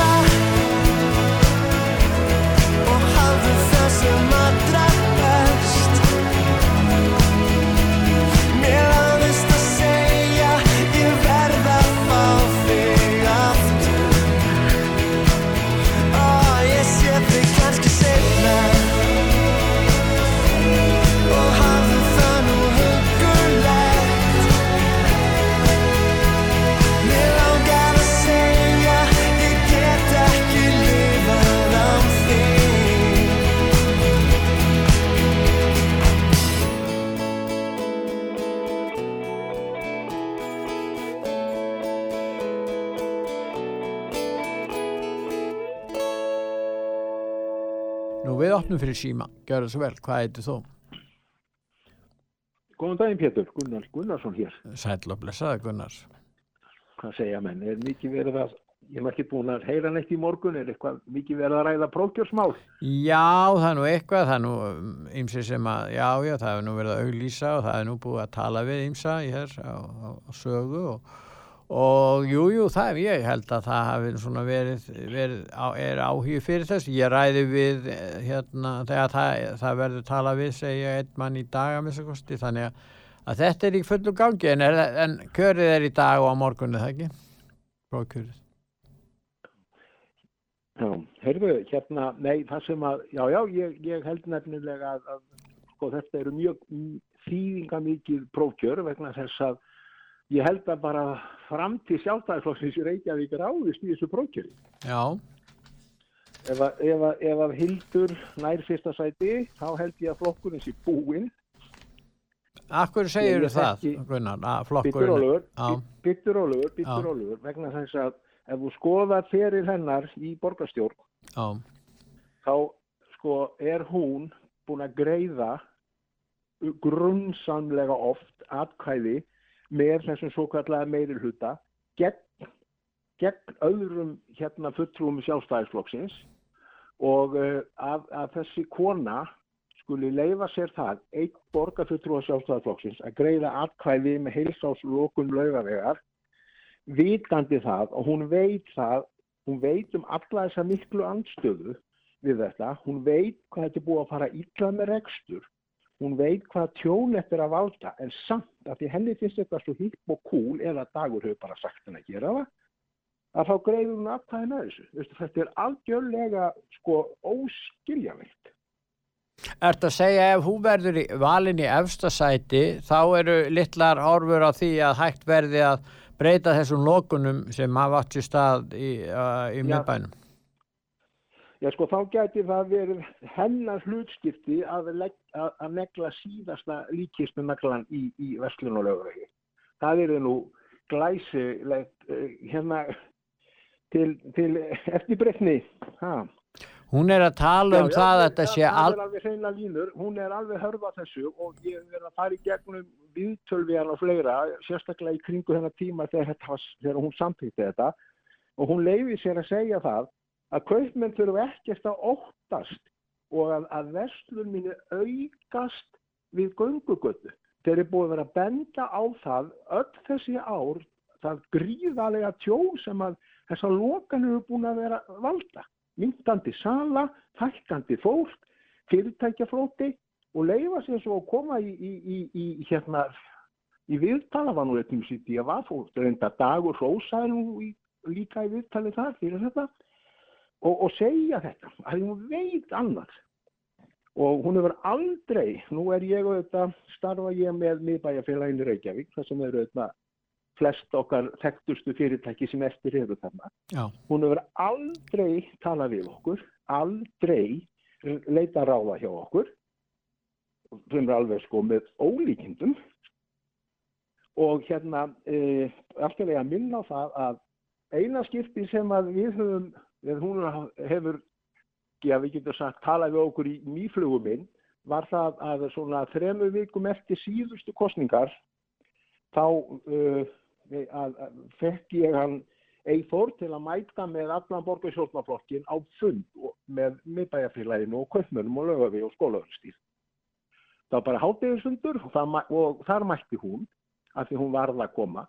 Þetta er fyrir fjórum árum. Það mætti 42 tungavitta kaupmenn og, og konur á fundin. Hver og einn einasti lísti neikvæðri reynslu sinna þessum götulókunum. Þannig að þarna fekk hún 42 þekta rekstaraðala sem voru að segja henni og bendin á tjóni sem þetta er búið að valda. Menn nefndu dæm úr bókaldinu. Það, það þarf ekkert annað en bara að fara nýr og og sér bara sko, tjóni sem þessar lokanir eru, eru búin að valda. Og síðan þremur árum setna greiður hún atkvæði með því að loka löguveginum allt árið. Veistu það, ég, ég skil þetta ekki. Þetta er mér óskiljalegt. Er hún eini borgarfulltrúin sem hefur þessa afstöðu? Er þeir fleiri? Veistu það? Já, af þeim sem að núna eru, þá um, hérna hún Alladóttir, hún, hún hérna mætti nú lendar ekki, það kom Er hún ekki fyrir hann á þessu fundi, en allir aðrir, allir aðrir greitu atkvæði uh, gegn lókunum á samt auðvitað uh, henni Kolbrúnu og. Þeir, þær greitu atkvæði líka gegn lókunum því að þær eru búin að kynna sér þessi mál gríðalega vel, bæði Vigdís og Kolbrún. Það er að segja miðflokkurinn og flokkur fólksins. Já. Já. Já. Og hérna þannig að þetta, þetta er skilja, sko skrítið og er, það gæti sem sagt komið upp svo staða að, að, að afgerandi meðluti rekstararlægi miðborgin myndi ekki kjósa flokkin sig. En telur þú að ef að Hildur verður í efsta sæti að það verði til að kljúfa flokkir hérna í Reykjavík? Já, ég, veistu það, ég hef bara mikla, já, það held ég, þetta, það verði bara endalók. Ég bara myndi þá vona að, að, að sjálfstæðismenn, eh, sko alvöru sjálfstæðismenn myndi bara reyna að koma öðru, koma með nýtt frambóð fyrir kostningarnar. Hverju ekki? Já, já. Hverju ekki? Nei, þetta, ég segi, þetta gæti verið og, og, og eina von flokksins er hún hérna Ragnhildur Alda. Takk að fyrir að ringa Gunnar. Takk að vilbjörn minn, já. Blessaður.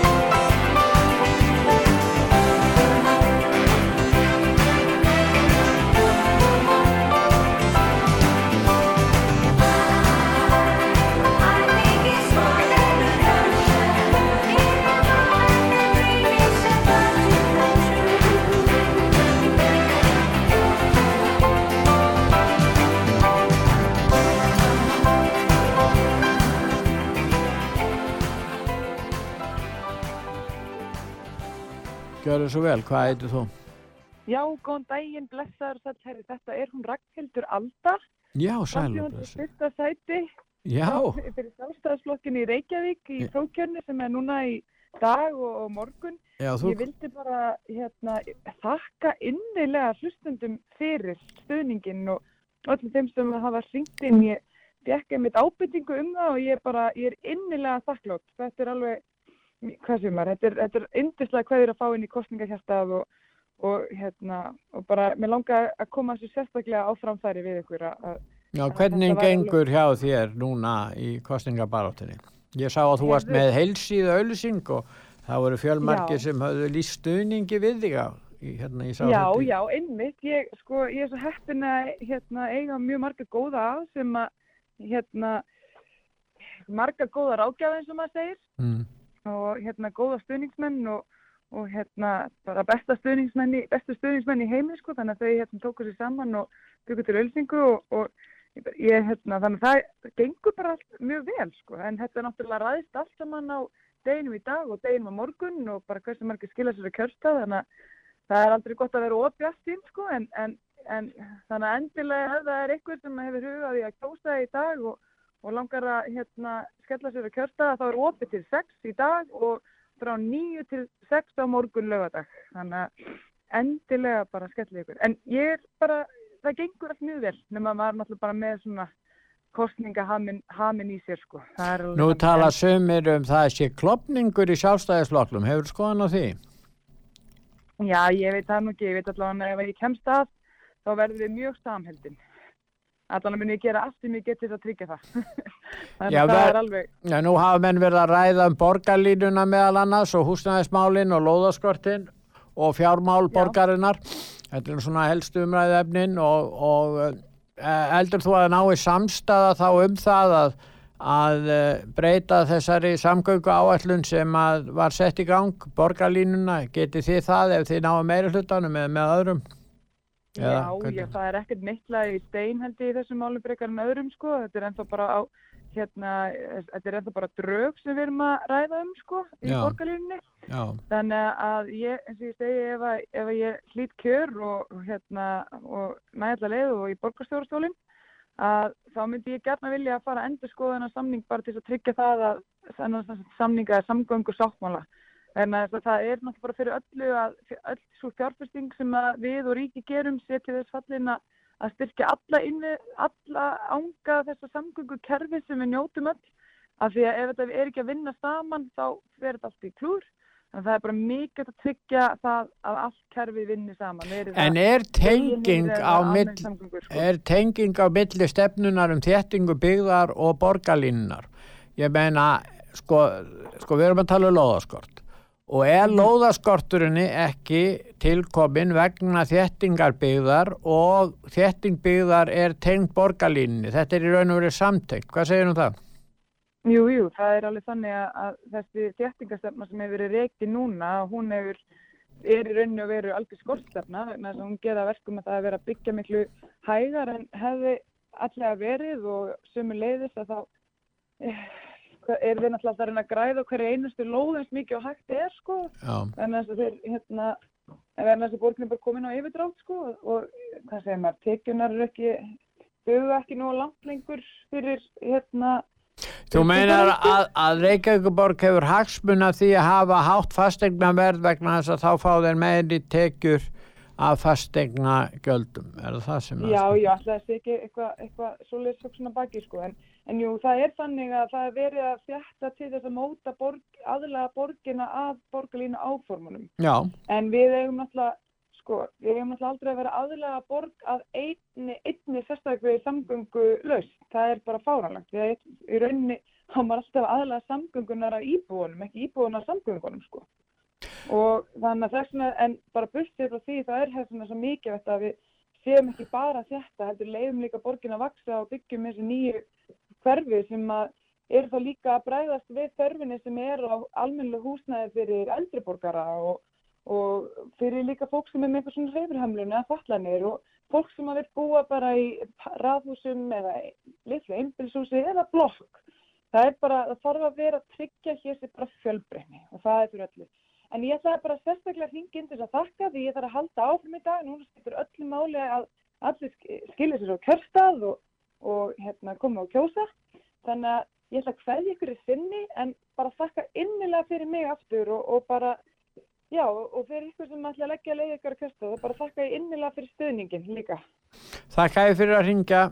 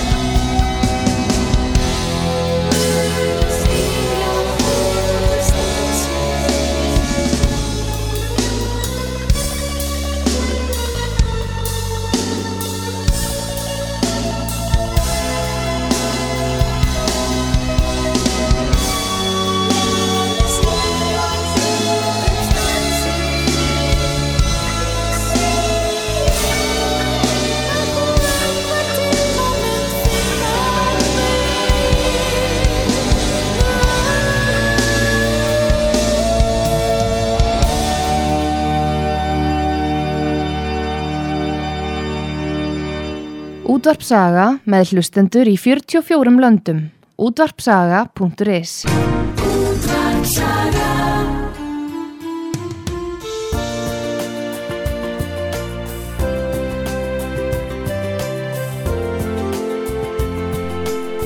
Þú ert að hlusta á útvarpsögu, það helsta sem var til umræðu í símatímum stöðvarinnar í þessari viku.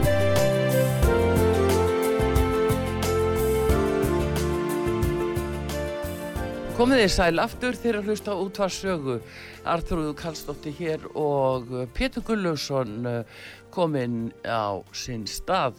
Góðan dag Pétur Gullausson, velkomin til leiks. Já, góðan dag. Uh, Lína Laus, Já, Lína Laus. Já, 5881994 Heyrðu, það er heilmik- heilmargt í, fréttum Já. og uh, það er auðvitað núna verið að ræða svolítið um það svo núti já, já, svona uh, einsum fjölmjölum uh, hugsalega yngöngu Íslands í Evrópusambandið uh, hvort að það eitt að dusta ríkið að því.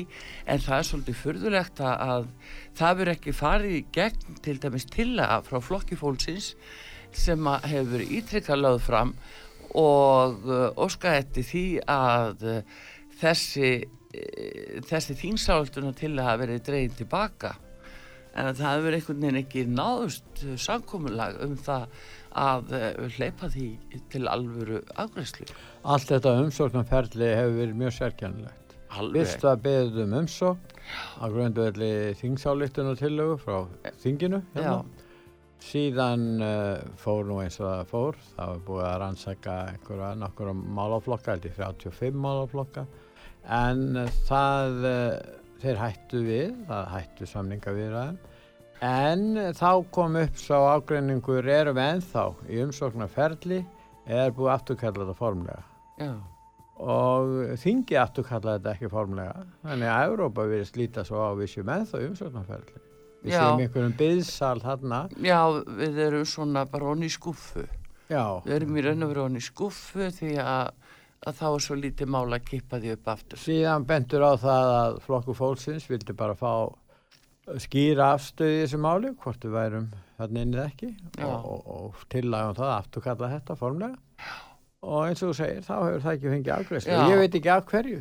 En Ég- það er samt, uh, hérna, hann reyndi þetta hann uh, Gunnar Bragi Sveinsson þegar hann var utræksáþara, þá uh, svona fyrir hönd framkvæmdavaldsins, þá uh, fór hann með uh, bref til þess að uh, afturkalla þessa umsókn. Já. og að þér varða framkvæmdavaldið en til þess að auðlist það gildi sem að til þarf, þarf að koma frá þinginu sjálfu löggjáðanum af því að það byrjaði hjá Þingsályktunartillögu og, og þarf að enda það líka þannig að uh, svona stendur þetta mál. Þetta er alltaf svona En gerum ráð fyrir þeir lítið svo á að þessi, þetta, þessi umsók liggi hann inni og, og er að fullu gild. Já. Og þessi búið að skoða hvað 35 uh, málaflokka eða málasvið innan Európusambansins, þá er það bara eftir að samþykja uh, sjávarútveginn því að ramagnið og, og landbúnaður, við veitum hvert uh, það stefnir. Mm og hérna við, við erum þá bara komin inn svo framlega eins og ég er búin að segja þetta lengi ef að stórútgerðin á Íslandi segja já við þessu þá er nú komin inn alveg börsið frá því hvað almenningur meður hluta almenningur Já. það er svo staða sem við held ég. Og nú er verið að nýta sér þessa stöð í Úkrænu og einhverja kannanir og annað og nú eru menn að lýsa til yfir að og telja að Evrópusamband sé hernaðabandalega allt í einu. Já, já. Nú ef að þeir vilja gangi hernaðabandalega þá vilja ekki bara gangi bandaríkin. Það er þó herinn, er það ekki? Jú, þannig að þar, þar fengju þeir þessa hernaðarvörd sem þeir róska Já, eftir. já. en Evrópusamband er náttúrulega pólitísk uh, uh, bandalag og náttúrulega efnahagsbandalag. En hérna en að sé, það er ekki orðið að hernaðabandalagi þó að jafnvel margir og gert er ráð fyrir því jafnvel að það verði það í framtíðinni það er svo allt annað mál. Já, það er svona, þetta er ákveðin svona uh, flótti, má segja, flótti frá því að, að, þóra takast á við hlutina. Uh, því að hvaða skjól á að vera þarna og eins og til dæmis bara líka að hvaða skjól á NATO að veita. Uh, það eru þetta, eins og við vitum, á sínu stað en uh, Evrópusambandi hvaða skjól fyrir uh, átökum nema þeir bara tilkynna það formlega að þeir ætli sér að koma með herin og Európa-herin sem að en Það er ekki til náttúrulega, nei, það er einhver lífverðarsveit held ég. Já, fyrir- ég segi það nema þeir bara geri það þá það, þetta er þáldið hérna, þetta er þáldið magna en það er ímislegt í sambandi við þetta sem er ekki rætt og náttúrulega þakka niður og ég var að segja eh, hérna í morgun Pétur að, að við erum að fordæma aðra þjóði fyrir það að þakka niður í þegnum sínum og það þeir með ekki tala og með ekki hafa skoðanir og annað. Við verðum svolítið að passa okkur sjálf hvað við erum að gera, hvers konar þjóðfélag við erum að búa til hér uh, með uh, sko einni skoðun og rétt trúnaðinum og öllu því þannig að, að við erum kannski alveg að gera það sama og við erum að fordæma hjá öðrum. Og það er líka daldi skrítið að það skulle ekki ratin í umræðina hér og í öðrum svona já, starri fjölmjölum ellendis nema mjög takmörkuðu leiti það eru þessi lífefnavopn í Úkrænu sem er í eigu bandaríkjamanna Já, allavega Og- það eru efna vopn þarna. Það er að segja að það eru efna rannsóknarstofur. stofur og Já, það rannsóknarstofur, já, það er leikur. en það er sko, þetta er uh, núna uh, algjörlega þessi umræð er alveg falið Já, sko, þeir viðkenna það eru rannsóknarstofur en svo eru bandaríkjamenn að segja að þeir komi nú ekki mjög, mjög mikið nálægt Nei, þeir við ekki auðvitað- segja þeir. Við síndum samning um þetta og Já, já. saga.is á Og- milli, milli varnarmálransins bandaríska og helbriðisransins. Já, og eru svolítið að nýta sér sko uh, bájindi í Úkrænu, það má alveg segja það. Já, ég, já, þeir eru segjast að hjálpa að, að fjallæga þessi síkla vopn eins og þeir vildu hjálpa þeim að fjallæga kjarnorkuvopnin. Já. Og, en, en, en þeir eru aldrei viðkjönd að þarna væri sko rannsóknarstofu. En svo eiga landsvæði sjálfur. Og, eh, já. Ég segi það, þannig að, að þetta er er ekki öll kurl komið til grafa. En það er nú svona, en uh, 588 1994 og uh, ég þakka fyrir mig.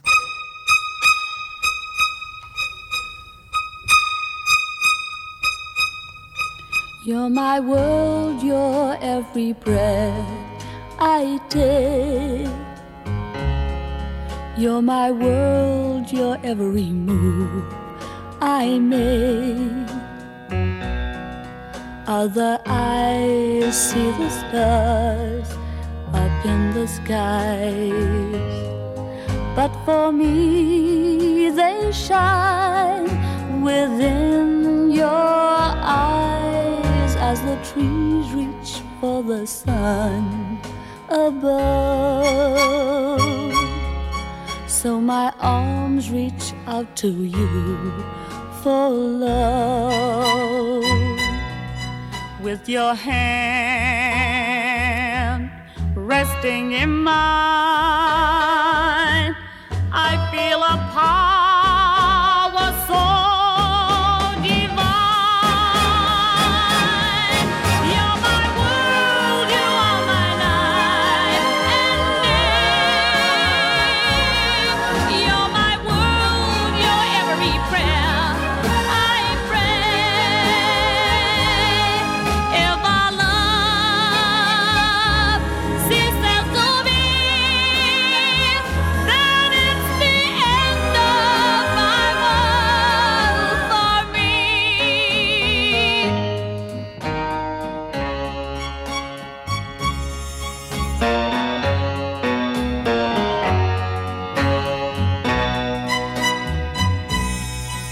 with your hand resting in mine.